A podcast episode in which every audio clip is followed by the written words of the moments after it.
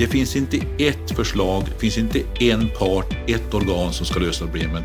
Alla måste steppa upp, alla måste bidra och det, det tror jag är ett viktigt budskap. Jag brukar säga så här, problemen är större än vad man tror och alla har ett ansvar att göra mer och alla måste göra mer än idag. Ja, om vi ska komma till rätta med kriminaliteten och med ohederligheten i byggbranschen så behöver alla aktörer ta sitt ansvar. Alla måste ta sitt ansvar.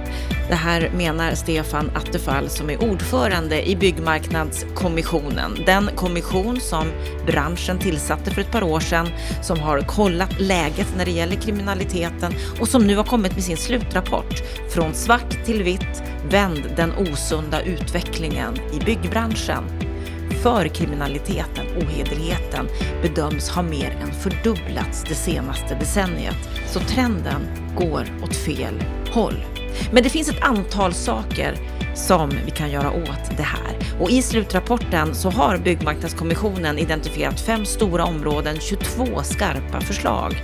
Och vill du ha en bra insikt i vad den här slutrapporten handlar om, då ska du lyssna på samtalet här idag, där Stefan presenterar alla förslag och där vår andra expertkommentator Lennart Weiss ger sina kommentarer och vad det är han hade velat se mer av.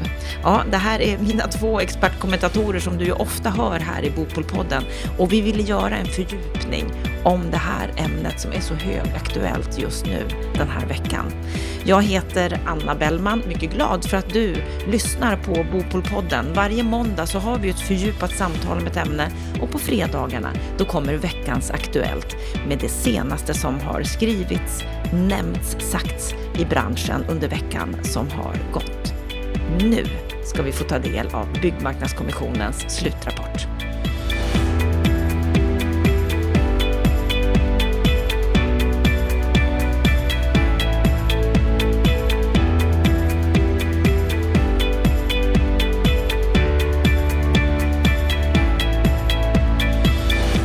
Kriminalitet och ohederlighet inom byggbranschen bedöms ha mer än fördubblats det senaste decenniet. Byggbranschen tillsatte därför Byggmarknadskommissionen för två år sedan för att kartlägga och analysera kriminalitet inom sektorn. Men de skulle också föreslå åtgärder för att komma till rätta med det här problemet. Nu har Byggmarknadskommissionen kommit med sin slutrapport Från svart till vitt, vänd den osunda utvecklingen i byggbranschen. Med mig här i studion så har jag Byggmarknadskommissionens ordförande Stefan Attefall, tillika en expertkommentator här i Bopolpodden och även vår andra expertkommentator Lennart Weiss som ska få ge sin syn på saken. Han var ju den som blåste rejält i pipan och sa att det här är ett problem i branschen. Men Stefan Attefall, hur stort är problemet med kriminalitet? Ja, säkert vet vi självklart inte. Det är svårt att mäta det som är ska säga, olagligt under ytan. Men eh, Skatteverket har försökt göra beräkningar på ska säga, skattebortfall på grund av just eh, svartarbete och liknande saker. Och de eh, indikerar att det kan ha fördubblats de sista tio åren. Eh, vi har ju lyssnat på en rad olika experter. Vi har också haft expertpaneler inkopplade. Vi har gjort egna studier. Så att allt tyder på att det här problemet har vuxit och är omfattande. En studie vi gjorde var exempelvis att titta på östeuropeiska företag som finns registrerade i Sverige, gjorde statistiskt urval av dem, djupgranskade 90 av de här företagen och jämförde alla uppgifter de ger till ID06-systemet som är legitimationssystemet på byggarbetsplatsen och med till utstationeringsregistret som man måste ha med sig till. Vad de uppger i sina hemländer, i sina årsredovisningar på sina hemsidor, Eh, i olika offentliga system och lönerapporteringssystem och försäkringssystem som finns enligt om man följer avtalen och så. Och så upptäcker man att det stämmer ingenstans. Eh, och då kunde vi konstatera att åtta av tio ungefär eh, kan vi misstänka eh, bryter mot regler eller avtal. Det är ju så att i Sverige är det ju inte olagligt att betala låga löner. Det är alltså ett, eh, i svenska modellen en uppgift för parterna att hålla koll på. Eh, men då skriver man på kollektivavtal och så följer man inte dem. Är tyvärr eh, vanligt i många sammanhang. Men vad är det för typ av problem, för typ av kriminalitet? Hur omfattande är brotten? Man kan säga så här att det finns ju allt ifrån de här slavliknande förhållanden som vi har fått en del ögonvittnesskildringar om i media där man jobbar med villkor som är helt enkelt omänskliga. Man sover på madrasser, får betala dyrt för det. Man får dålig lön eller kanske blir lurad på lönen helt och hållet. Man är här eh, under helt illegala former, man kanske är papperslös i Sverige. Alltså det är rent utnyttjande. Men man kan också peka på de som kanske är här och tycker att det är ganska schyssta villkor för jag har bättre än vad jag hade i hemlandet.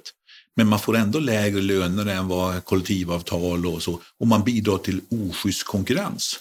Eh, ofta innebär det också att de här företagen kanske inte betalar skatter som man ska. Så att det, det finns både de som är relativt nöjda men det är också de som lever under riktigt usla förhållanden. Men sammantaget så är det ett utnyttjande av arbetskraft och det är framförallt en oschysst konkurrens som slår ut hederliga företag. Lennart Weiss, du protesterade rejält här för ja, det är ju snart två år sedan och gick ut och berättade att branschen har ett rejält problem. Vad var det du såg?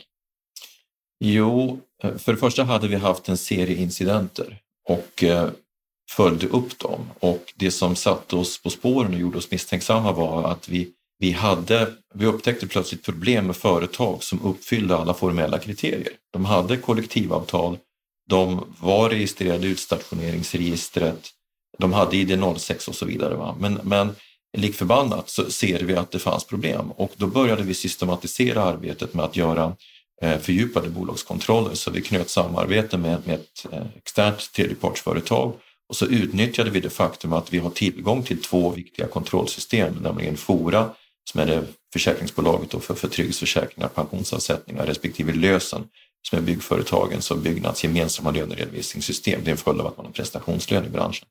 De systemen är sekretessbelagda men genom att vi har överlämnat, vi är det enda företaget i branschen som har överlämnat eh, kontrollen av eh, U1 mot fackliga villkor på facket, på Byggnads, så har våra fackliga leverantörsbedömare tillgång till de här systemen. Och då skapade vi helt enkelt en modell för fördjupade bolagskontroller där vi jämförde data i årsredovisningen, utstationeringsregistret, ID06, Fora och Lösa. Och då får du liksom en bild av hur företagen rapporterar till olika instanser och då såg vi att det här hänger inte ihop. Det, det vi såg är att det finns alltså en systematik i att felrapportera. Man, man rapporterar eh, så att det ser ut som att man har en schysst fasad. Man bockar alltså av skallkraven. Vi har kollektivavtal, det finns i utstationeringsregistret. Men när du jämför uppgifterna så ser du att allt det är ett falsarium. Det är totalt falsarium. Och det gäller löner, skatter och sociala avgifter. Så börjar vi öka på mängden. Och idag har vi alltså gjort 40 fördjupade bolagsutredningar. Vi gör ju sådana hela tiden. Och det är där Eh, det, det uppstår ett drag av cynism i min argumentation. Men cynismen drar ju verklighetsbilden. Jag har än inte hittat ett östeuropeiskt bolag som ens är i närheten av att göra rätt för sig. Så därför skulle jag säga att Byggmarknadskommissionens bedömning av att 82 procent av de östeuropeiska bolagen eh, har grova avvikelser, det skulle jag säga en underdrift. Men jag tycker det är bra att kommissionen har säkerhetsmarginaler som inte vi behöver tillåta oss att ha. Min bedömning är att 95 till 100 procent fusk. Och hur kan det ha blivit så här? Jag får bara säga också att eh, skillnaden mellan Lennarts granskningar, det är ju på liknande, liknande metoder vi använt oss av, men vi har gjort ett statistiskt urval och inte bara ganska case som man, som man stött på i, i sitt vardagliga liv. Eh, och därför har vi just med säkerhetsmarginaler vågat säga att det är 8-10 som misstänks fuska eller bryta mot reglerna. Eh, skälet till att det har blivit så här, jag tror att man ska eh, förstå att vi har haft ett antal företeelser under många år nu som har medverkat till detta. Vi har dels haft en stark högkonjunktur.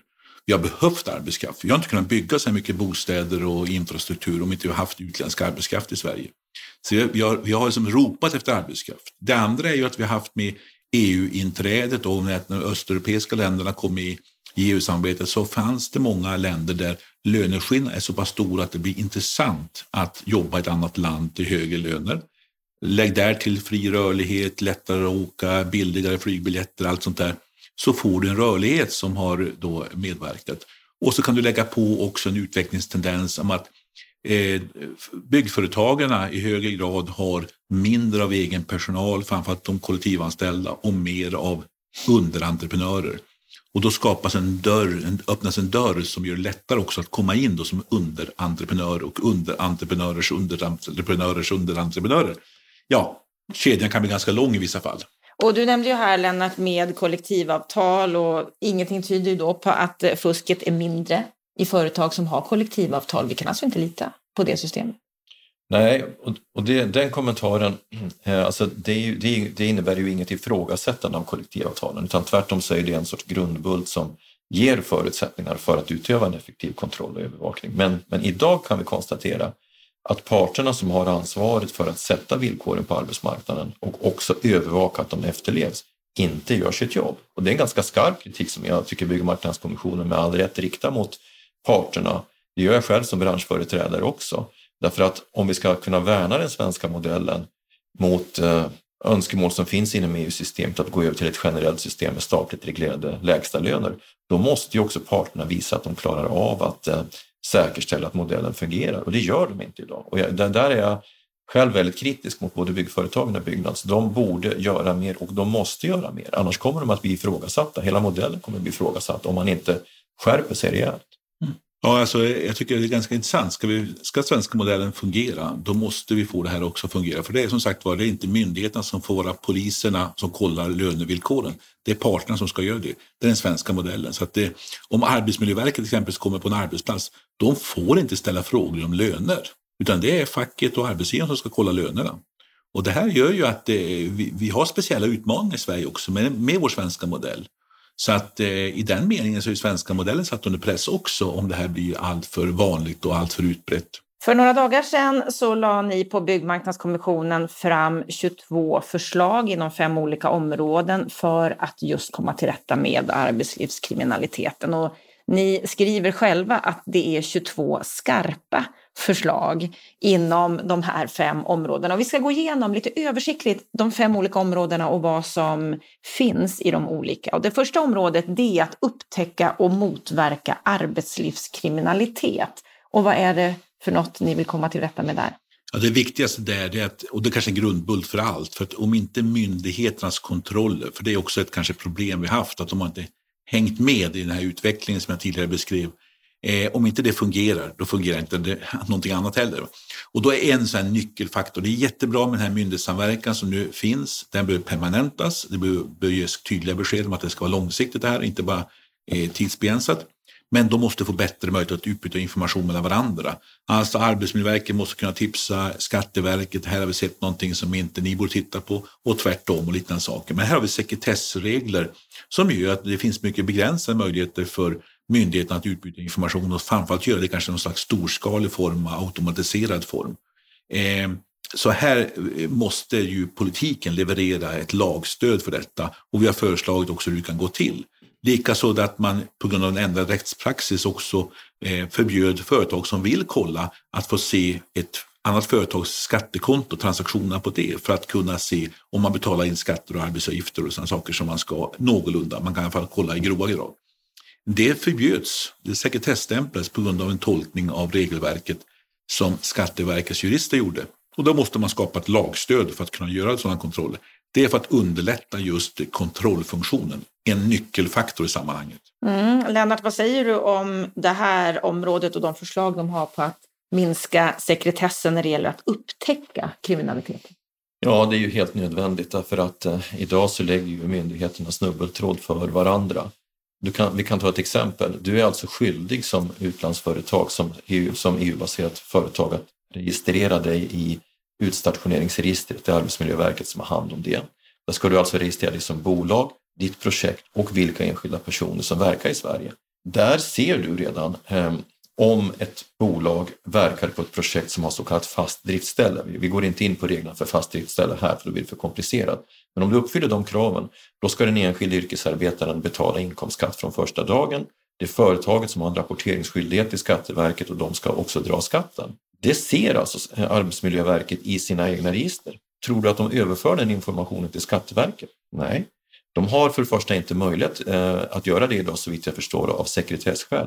Och det andra är att när Skatteverket då på förekommande anledning, för de kan begära ut det när, när, när en utredning pågår, då säger, man att, då säger Arbetsmiljöverket att vi klarar inte av det därför att de här ärendena ligger på hög. Det är en manuell hantering.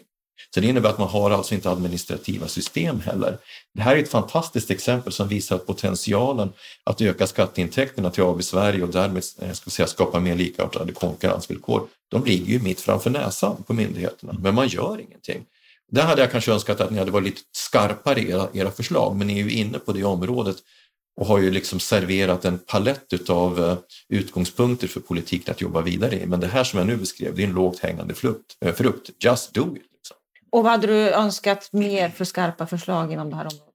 Oh, alltså jag tycker att man hade kunnat gå på den här finska modellen och kräva obligatoriskt skattekort för alla. Eh, idag så, så om du är skattskyldig så ska du ha ett samordningsnummer. Vi som företag, Veidekke, vi överväger just nu att vi själva ensidigt ska ställa ett sådant krav att gubbarna som jobbar på våra projekt ska ha ett samordningsnummer. Men det hade varit bättre att gå den finska vägen och kräva som ett krav att du ska komma in i, i Sverige, så gör de i Finland, då måste du ha skattekort från dag ett. Då vet man att, att åtminstone du har koll på personen, du har koll på identiteten och förutsättningen att du också betalar skatten mycket, mycket större. Mm, borde ni ha varit skarpare här, Stefan? Det finns många saker vi kunde tränga ännu djupare i. Då är man inne på skattelagstiftningen och hela lagstiftningen kring samordningsnummer. Och det öppnas liksom en ny juridisk dörr som man måste då tränga djupt in i. Och självklart har vi inte hunnit med alla de aspekterna. Men vi är på det här med Arbetsmiljöverket och utstationeringsregistret. Vi pekar på att det system måste fungera bättre. Eh, eh, sen är det alltid ska säga, svårt för en utredare att tala om exakt vilka administrativa rutiner man ska bygga upp på en myndighet. Det vill inte vi gå in och peta i, men vi är på frågan och vi pekar på att det här inte sköts tillräckligt bra idag. Vi ska gå vidare till det andra området och det handlar om utländsk arbetskraft. Och här har ni ganska många punkter där ni vill se en förändring. Om du ska sammanfatta era förslag här, vad är det ni vill se? Ja, man kan säga så här, vi tror inte att vi ska dra igång en debatt om att ändra hela, hela det här utstationeringsdirektivet, alltså EUs regelverk som, ska styr, som styr svensk lagstiftning. här. Men vi menar att man kan eh, följa upp och följa de regler som finns mycket bättre. Man kan göra justeringar i svensk lagstiftning. Ett exempel är för att komma bort ifrån de här som verkligen uppenbart utnyttjar utländsk arbetskraft. Det är ju att införa en lag om arbetskraftsexploatering. Det har vi ett konkret förslag kring.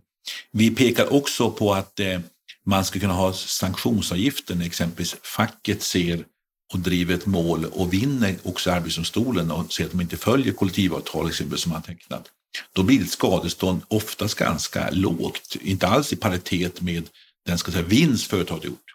Sen ska man utkräva det här äh, skadeståndet i ett annat land. Ja, då kanske företaget har upphört eller krånglar på olika sätt. Och myndigheterna i det här landet, det EU-landet exempelvis, de är inte lika benägna att vara aktiva och hjälpa till när det här inte är ska säga, ett lagbrott utan ett civilrättsligt avtalsbrott. Det får en lägre rang också. Va? Så att här behöver vi jobba med de sakerna. Det finns ett försäkringsintyg pekar på som måste, man måste följa upp bättre. Migrationsverket eh, får också en del uppdrag att titta på det här missbruket av undantaget vid, eh, från krav på arbetstillstånd när man är tredjelandsmedborgare.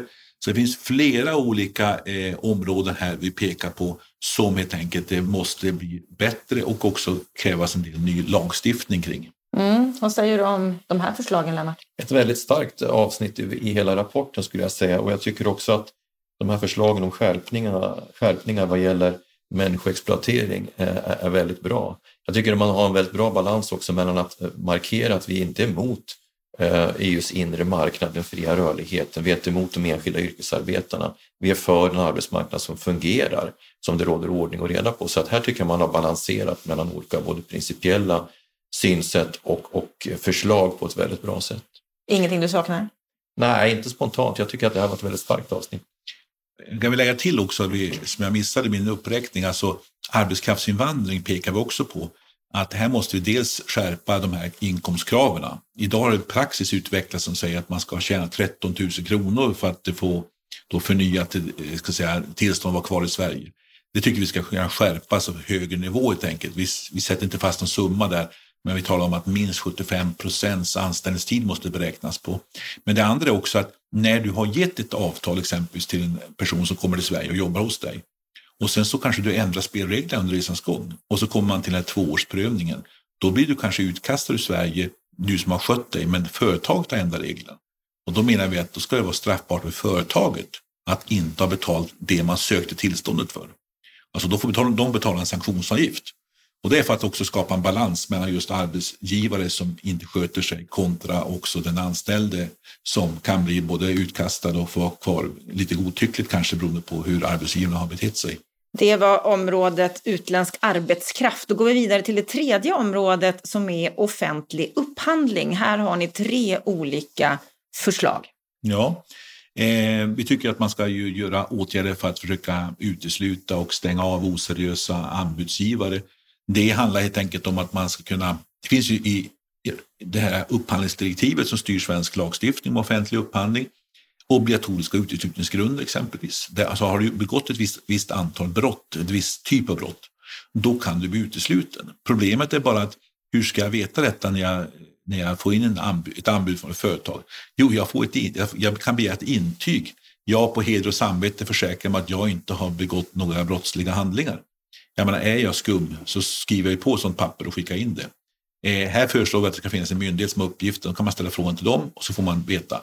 Finns de här företagen registrerat, de här personerna registrerade för den här typen av brott som, är, som, som, som det, det avses? Och så kan man stänga ut det. Det är ett exempel. Det andra är att man får ett bättre informationsutbyte mellan de offentliga upphandlande aktörerna kring de som har skött sig och inte skött sig. Eh, sen har vi också eh, förslag på att eh, man ska utnyttja mer av de möjligheter som finns att ställa arbetsrättsliga villkor. Där pekar bland på att Upphandlingsmyndigheten måste fullgöra sin uppgift att ta fram sådana mallar, alltså helt enkelt modeller för hur man formulerar de här upphandlings eh, eh anbuds, anbuden helt enkelt, så att det ställs arbetsrättsliga villkor på rätt sätt som tål en lagprövning och som bygger på den hårda kärnan utstationeringsdirektiv och liknande saker. Och här måste man serva bättre. Man har börjat sånt arbete med det avstannat och antingen har man inte haft kompetens, prioritering på Upphandlingsmyndigheten eller har man så blivit överhopad med andra uppgifter och att man inte har fullgjort den uppgiften. Det pekar ju på. Och så måste också kortare handläggningstider vid överklaganden så att man får snabbare besked och kan snabbare komma till rätta med eventuella överklaganden som också dyker upp. Mm. Lennart, vad är din kommentar när det gäller offentlig upphandling? Det är både svårt och viktigt avsnitt. Jag tycker i, i principiell mening så har man sorterat upp det här på ett väldigt bra sätt. Men det är också ett område där det kanske finns utrymme för att lägga ännu några ytterligare skarpa förslag. Eh, om jag tar något exempel, eh, jag menar vi har idag en lagstiftning kring upphandling och genomförande av projekt som det gäller personalliggalagen och som stipulerar en viss typ av beställaransvar. Men det hanterar ju byggherrarna som har det formella ansvaret genom att helt enkelt flytta ansvaret till entreprenören. Och fortsätter man då handla upp på lägsta pris då får man ju så att säga det bästa ur två världar och tvingar i praktiken entreprenören att gena i kurvorna. Det är obra.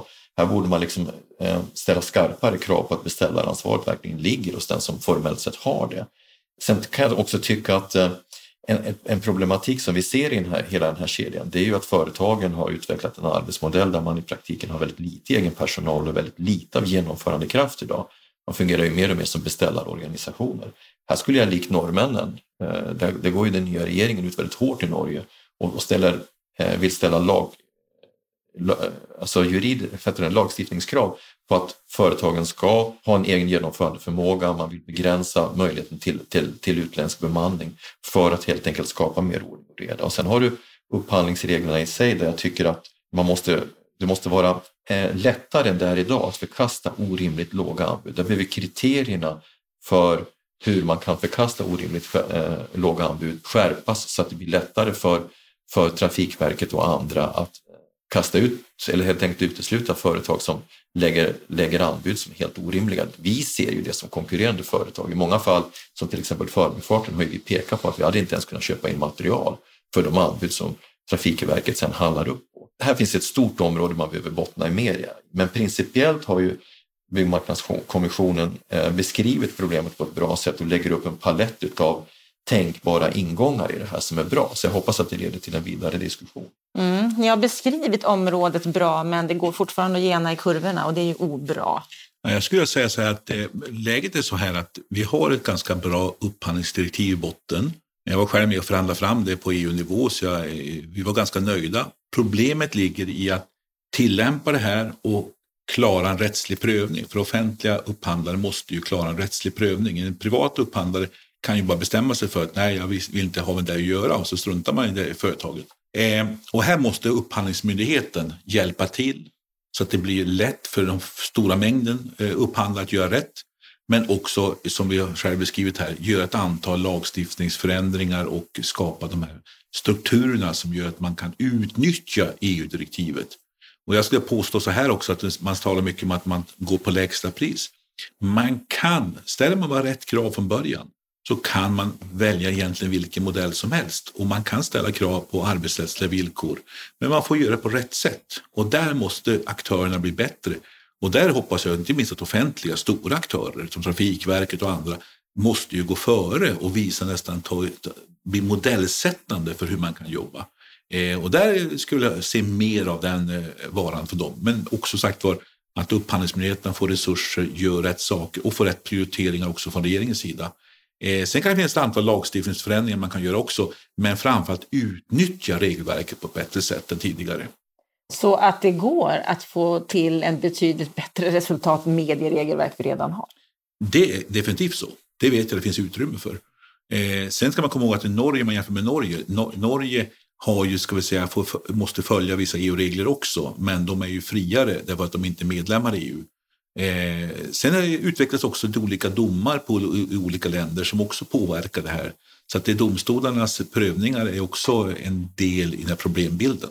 Vi ska gå vidare till det fjärde området som handlar om branschens kontroll. Vad är det för förslag ni har där? Ja, en sak som exempelvis är ju fantastiskt bra det är ju utvecklandet av ID06-systemet och det har ju förbättrats också nu över tid och här behöver man gå vidare. Det finns exempelvis idéer om att införa biometrisk eh, igenkänning så att man inte kan fuska med att byta kort och, du vet, och sådana saker.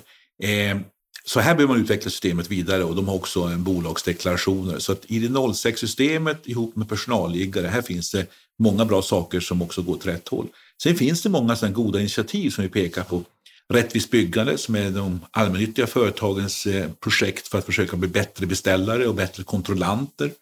Eh, vi har bankinitiativet som eh, innebär att bankerna nu kommer att ställa tydliga krav vid utlåning. Eh, vi har Fairplay Bygg som finns inte minst i Stockholm Gotlandsregionen men som ska kunna spridas till fler ställen. Och vi har också att parterna måste också bli bättre på att vara tydligare i sina kollektivavtalsvillkor. De här hängavtalen måste man följa upp mera, pekar vi på. Det finns många olika hängavtal som man skriver på, men sen är kontrollen inte alltid den bästa. Och här måste också parterna fundera på sin arbetsmetodik som kanske byggs upp över årtionden av viss struktur i byggbranschen. Och så kommer den här typen av problem in och så måste man anpassa sin verksamhet. Och här vet jag pågår diskussioner bland parterna hur man ska utveckla det här. Men här finns ett jobb att göra också hos parterna för att vara just den här, jag skulle kalla det polisen när det gäller löner och anställningsvillkor. Så alla aktörer, och det är väl egentligen hela poängen med vår rapport, att alla aktörer måste göra mer på varje område. Det är inte en aktör som har hela problemansvaret och det är inte någon aktör som kan säga att det här är inte vår business. Mm, det går inte att peka på någon annan och svära sig fri? Nej, det är som man pekar, man brukar ha fyra fingrar åt en själv och en framåt och det är ungefär så vi får betrakta det här problemområdet. Mm, Lennart, vad säger du om de här förslagen när det gäller branschens kontroll? Är de tillräckliga? Alltså, det här är ett bra avsnitt på en principiell nivå, men här skulle man ha kunnat vara tuffare. Eh, om jag tar två exempel. Eh, vi har ett välkänt problem med de hängavtalsbundna företagen. De som alltså väljer att inte eh, bli fullvärdiga medlemmar i byggföretagen tecknar hängavtal. Det, det råkar vara de flesta som har kollektivavtal. Det är en 11-12 000. Byggnads, som jag nu minns rätt, tar ut en avgift på 4 500. 4 500 gånger, ta enkel matematik, 10 000 företag. Det är 45 miljoner. För det skulle de kunna ha en fantastisk kontrollorganisation. De skulle kunna ha 30 ombudsmän som ägnar sig åt det här på heltid och vara ute och göra kontroller och 5, 6, 7, 8 analytiker. Ja, har de det idag? Nej. De här pengarna åker rakt in i Byggnads kassa och det gör mig faktiskt ganska upprörd. Jag kan se att det finns en ombudsman inom Byggnads, eh, Johan Dahlberg nere i syd som gör ett fantastiskt jobb med de här sakerna och sen enstaka ombudsmän som gör fläckvisa insatser. Men de som gör det största jobbet, det är de fackliga medbestämmande personerna vi har inom Veidekke, där vi har ett specialavtal med Byggnads. Byggnads eh, sjunger lite med änglarna här, där de lägger allt ansvar på branschen. Det är inte helt fel, därför att jag tycker att byggföretagen också skulle kunna skärpt sig rejält. Därför att vi som är medlemmar i byggföretag, vi förväntar oss ju att byggföretagen har kontrollsystem som gör att är man medlem i byggföretagen så, så, så håller man sig också till regelverket. Man har till och med sagt internt att man har en målbild att om ett, några år ha, ha, ha så bra kontroller att ett medlemskap i byggföretagen kan jämställas med att vara medlem i Advokatsamfundet. Det är väldigt långt till en sån kravnivå kan jag säga.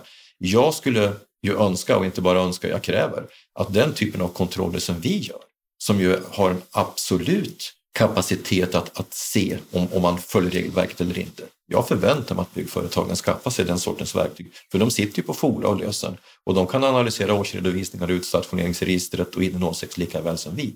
Så jag skulle ju egentligen vilja att jag säger så här, det är dags för parterna att kliva in på allvar i den här matchen. Hittills har de stått som två tuppar och sprättar jord på varandra. Va? Nu får de börja ta ansvar själva och en del av det här kontrollarbetet skulle de kunna göra gemensamt. Så här hade Attefall kunnat vara tuffare. Mm, vad säger Attefall om det? Ja, alltså man kan vara önska mycket, men vi tycker vi har pekat på de här problemen. Alltså måste ju parterna själva fundera på vad gör vi i vår kammare och hur interna processen ska se ut i byggföretagen och på Byggnads. Det tycker inte vi är vår uppgift. Det viktiga är att vi pekar på problemen och att utmaningen finns där. Sen vet vi också att det finns ett antal processer som går åt rätt håll eh, och eh, de vill vi uppmuntra. Och det gäller ju många delar inom byggsektorn. Det finns mycket goda initiativ, mycket av mer av medvetenhet. I den meningen är jag ganska optimistisk att rörelsen är på väg åt rätt håll. Men man får inte vara nöjd utan alla måste inse att ni måste steppa upp ytterligare ett snäpp inte vara nöjd och det ska vi inte vara kanske med det femte området heller som är byggtjänster i hushållen. Mm. Här kommer vi in på konsumentperspektivet. Vad är det för förslag ni har här? Ja, det här har kanske fått lite mest uppmärksamhet medialt därför att det berör ju många människor. Men vi tycker att i samma anda som att vi måste vända på alla stenar, alla måste bidra, så måste också hushållen bidra och framförallt också de här som gör tjänster och får rotavdrag. Eh, och då säger vi så här att Dels har vi ett problem, inte jättestort i meningen i pengar räknat, men ändå ett betydande problem att vi har olika regler för ROT och RUT.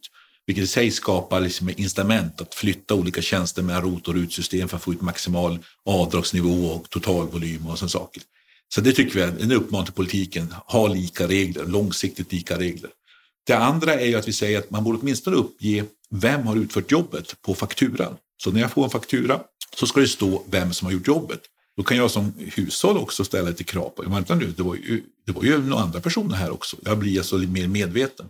Och framförallt så gör det mycket mer av möjlighet för myndigheten att göra efterhandskontroller, stickprov och kolla upp saker och ting. Det tredje vi säger, och kolla också om det är illegal arbetskraft inblandad i de här fakturorna. Och saker. Eh, det tredje vi säger är att man också, man också ska titta närmare på att införa ett personalliggarsystem. Alltså använda ID06-system och kanske någon app i telefonen och man måste, måste registrera. Ja, men nu jobbar Kalle på den här, i den här lägenheten, den här villan eh, med de här sakerna under de här dagarna. Och då får du alltså ett personalliggarsystem som gör att man också kan öka kontrollfunktionerna. Eh, jag som hushåll kan ställa frågan, ja men ni har ett sådant system, va? eller hur? Och därmed så blir jag också lite, jag kan ställa lite mer, lite mer kontrollfrågor än bara, har du F-skatt? Och då säger vi så här, då kan man också fundera på, har man inte ställt sådana lite elementära kontrollfrågor, då kanske man inte ska få rotavdrag. Eh, och då blir en del vansinniga att tycka att vi lägger för mycket ansvar på hushållen. Men man får inte lägga för stort ansvar, det är självklart. Men just att ställa lite vanliga kontrollfrågor. Har du F-skatt? Har du eh, personalliggarsystem? Sådana här frågor ska man kanske kunna ställa, säger vi. Därför att det är ändå en viss skattesubvention som utgår för rotavdrag. Men framförallt, det här är ett problemområde och här vet vi att det finns många företag som opererar och som har arbetskraft som inte alltid följer eh, de regler och lagar som finns. Och för att motverka detta så tycker vi att vi måste ha lite mer kontroll för att få rotavdrag. Eh, och det här är några förslag som vi tror skulle kunna bidra till detta. Så att om jag som konsument, som hushåll ska renovera mitt badrum, jag tar in en hantverkare och jag har inte riktigt upptäckt allt som de gör fel, då kan jag bli av med mitt rotavdrag. Nej, men alltså om du, om du ställer de här kontrollfrågorna och du kan visa på det och eh, du kanske begärt en skriftlig offert och där står det ett antal saker och har de inte fyllt i att de har exempelvis personalliggare eller F-skatt så kanske du ska eh, tvingas ställa frågan och få det skriftligt. Eh, det kanske är sådana krav på dig som gör att du kan vara säker på att det inte blir något krångel med ditt rotavdrag. Men det här måste man titta närmare på exakt hur långt man ska gå. Men Även vi som är beställare av rottjänster, vi har också ett ansvar för att försöka motverka arbetslivskriminaliteten. Vi kan inte bara säga att det är myndigheter eller facket eller någon annan, utan det är faktiskt också vi som beställare. Vad säger du om eh, det här förslaget? Ja, bra, jag, jag, jag log väl också över att det var lite typiskt att media högg på det här, för det var liksom lite kanske populärt och, och lätt att få in i, i, i tv-soffan. Men jag tyckte att det var bra därför att eh, det gör ju att frågan blev mindre abstrakt. Den blev väldigt konkret även för, för enskilda hushåll och här har man ju egentligen anvisat en, en möjlighet för, för de här stora organisationerna, HSB, Riksbyggen, Villaägarna, att skapa det här formuläret som man använder som ett standardformulär när man upphandlar. Där kan man göra en insats. Vilket jag inte tycker att de gör idag. Ni hade ju möjligen kunnat peka lite finger åt HSB Riksbyggen. Jag säger ju till dem varje gång jag träffar dem, varför hjälper inte ni till med att skapa liksom någon form av register över schyssta byggare som, som, som, som klarar de här grundkraven? Så då stöttar ni både bostadsrättsföreningarna och bostadsrättshavarna. Det kanske pågår en process, vad vet jag. Men, men Attefall och kompani har ju levererat en, en ingång till att förenkla det här och adressera det. För, för att här har vi frågan om en mängdbrottslighet som man inte ska underskatta överhuvudtaget. Vi vet inte hur stort fusket är i byggservicesektorn, men jag tror att det är minst lika stort som det är inom storbyggsektorn som det är den som vi pratar om mest. Och eftersom det här har en enorm betydelse för inbetalning av arbetsgivaravgifter, moms och så vidare, va? Eh, inkomstskatter, så är det jättebra att de adresserar det. Men här hade man kunnat lägga ett förslag, konkret förslag också. Jag har ju själv noterat att speciellt när det gäller hushållssektorn så är det inte ovanligt idag att den som har uppdraget i sin tur lägger ut genomförandet på en underentreprenör. Det tycker jag man borde förbjuda. Den som har uppdraget att genomföra ett uppdrag inom ROT och RUT, den ska också genomföra det med egen personal. Då skulle du, då skulle du begränsa en del av det här fusket. Men, men jag tycker att det är bra att man uppmärksammat det här området och de förslag de har lagt, de är bra. De förslag som har lagts inom det här området är bra, men det finns en del att önska. Det hade kunnat vara lite skarpare förslag överlag. Om jag ska, om jag ska göra i ett betyg här nu så skulle jag säga att, att eh, på en 10-gradig skala så får de 8,5 och det är mycket högt. Eh, jag tycker så här, om jag ska, lyfta, jag ska kommentera den här utredningen på ett generellt plan, så är det här en fantastisk kunskapsöversikt. Det är dess första värde. Det andra är att man har gjort en ordentlig bra nulägesanalys. Det gör att de som hittills har förnekat det här problemet inte längre kan sticka huvudet i sanden. Det är en kolossal viktig sak för den fortsatta debatten. Och sen har de faktiskt också levererat en förslagskatalog som till struktur och uppbyggnad och också djup är bra. Så att när jag har lite synpunkter här så skulle jag nog ändå säga att de är ju i marginalen av en i övrigt väldigt, väldigt bra utredning. Jag, jag, jag är säker på att när vi utvärderar tillståndet eh, i branschen om några år så kommer man att säga, prata om tillståndet före Byggmarknadskommissionens rapport och efter. Så att jag är väldigt, väldigt glad över det här dokumentet och jag tycker kommissionen har gjort ett kanonjobb. Det var med beröm godkänt. Ja, vi får ta, slicka i oss. Men jag tycker då faktiskt att vi har, vi har levererat en produkt som skapar ett bra underlag för fortsatt diskussion. Och eh, vi vet att det finns olika organ nu som eh, förhoppningsvis tar till, och, tar till sig det här materialet. Vi har dels ett eh, facket, byggfacket Byggnads och arbetsgivarna, byggföretagen, har ju tillsatt en åtgärdskommission som ska jobba med de här frågorna. Hoppas de jobbar med de här förslagen som kommer i rapporten. Vi har regeringens delegation mot arbetslivskriminalitet som har tillsatts nyligen som eh, var med på seminariet vi hade här också i veckan och de pekade också på att eh, de ska titta noggrant på förslagen. Och sen så hoppas vi att de politiska partierna och regeringen också läser de här förslagen och då kan vi faktiskt bidra till att flytta fram positionerna. Men som sagt var, det finns inte ett förslag, det finns inte en part, ett organ som ska lösa problemen. Alla måste steppa upp, alla måste bidra och det, det tror jag är ett viktigt budskap. Jag brukar säga så här, problemen är större än vad man tror och alla har ett ansvar att göra mer och alla måste göra mer än idag. Ja, det är mycket hoppas, det är mycket förhoppningar att det är andra som ska ta till sig de här förslagen och göra någonting åt det. Vad konkret kommer att hända? Jag tror att eh, politiken eh, måste göra någonting. Dels för att problemen är så pass stora, men det borde finnas en samsyn ändå om att vidta åtgärder från både höger och vänster. Ur ett socialdemokratiskt perspektiv så måste det vara viktigt att stävja dåliga arbetsvillkor. Ur ett ska vi säga, borgerligt perspektiv, det här är verkligen lag och ordningsfrågor. Det handlar om rättsstatens framtid, det handlar om schysst konkurrens. Så det finns alltså det finns beröringspunkter både till höger och till vänster som gör att alla borde inse att det här är viktiga områden. Och eh, har vi bidragit, som Lennart säger, till att höja kunskapen och har vi bidragit till ett antal förslag som går att göra politisk verkstad av, ja då har vi också, tror jag, gjort så att det här kan bli verklighet, åtminstone många av förslagen. Och en del är ju mer lågt hängande frukter, andra kräver lite mer arbete på längre tid. Vad hoppas du framåt, Lennart? Ja, jag, hoppas, jag, jag tycker tajmingen är fantastisk därför att eh, man levererar utredningen nu sex månader före ett val. Och eh, de som har följt debatten de senaste två, tre månaderna ser ju att Socialdemokraterna eh, har det här som ett av sina prioriterade områden. Det gjorde mig förvånad i sig. Man lyfter upp det här som en av sina tre prioriteringar. Ehm, jag tror att på tal om hela den här debatten om lag och ordning som ju har varit en borgerlig planhalva så tror jag, nu spekulerar jag, att Socialdemokraterna ser den, den, de här frågorna som ett sätt att flytta debatten över på en arena där man känner sig mer trygg. Men då måste man ju också visa eh, att man kan gå från ord till handling och då har man ju fått ett fantastiskt dokument här.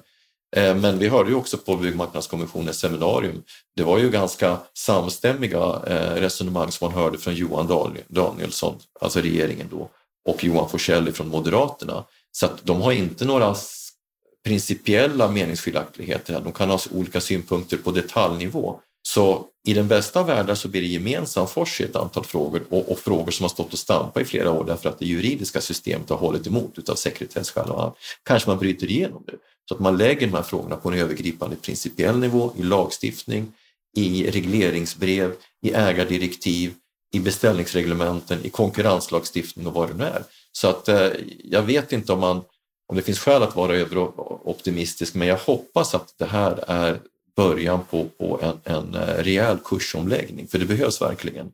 Eh, och, och, om det sker så kommer vi definitivt att kunna se att Byggmarknadskommissionen bidrog väldigt substantiellt till, till en sån utveckling. Vad händer med Byggmarknadskommissionen nu?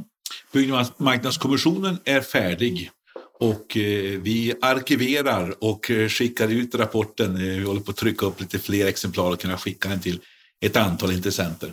Sen är, kommer man säkert att vara ute och prata om eh, förslagen och jag har redan blivit inbjuden till flera olika eh, Eh, platser att prata om den här rapporten och eh, det kommer vi göra. Men vi lämnar över det här till våra uppdragsgivare som är byggföretagen, de fackliga organisationerna, eh, byggherrarna i olika former som har gett oss det här uppdraget och betalat också för det här. Och som jag sagt till dem också, här har de ett fantastiskt material, både att ställa krav på andra, men också som ett eget material att jobba med internt i sina organisationer. Och då hoppas jag att de tar det tillfället också. Hur ska vi göra för att komma till rätta med kriminaliteten i byggbranschen? Ja, Byggmarknadskommissionen har gett nu sin slutrapport Från svart till vitt, vänd den osunda utvecklingen i byggbranschen. Och vi på Bopolpodden, bostadspolitik.se, vi kommer självklart att följa utvecklingen inom det här området, för det behöver hända saker. Stort tack för att du har lyssnat på denna fördjupning när det gäller de olika förslagen. På fredag, då är vi på Bopolpodden tillbaka igen med veckans Aktuellt, det senaste som har hänt under veckan. Jag hoppas att du lyssnar in då också. Med detta så önskar vi dig en trevlig vecka.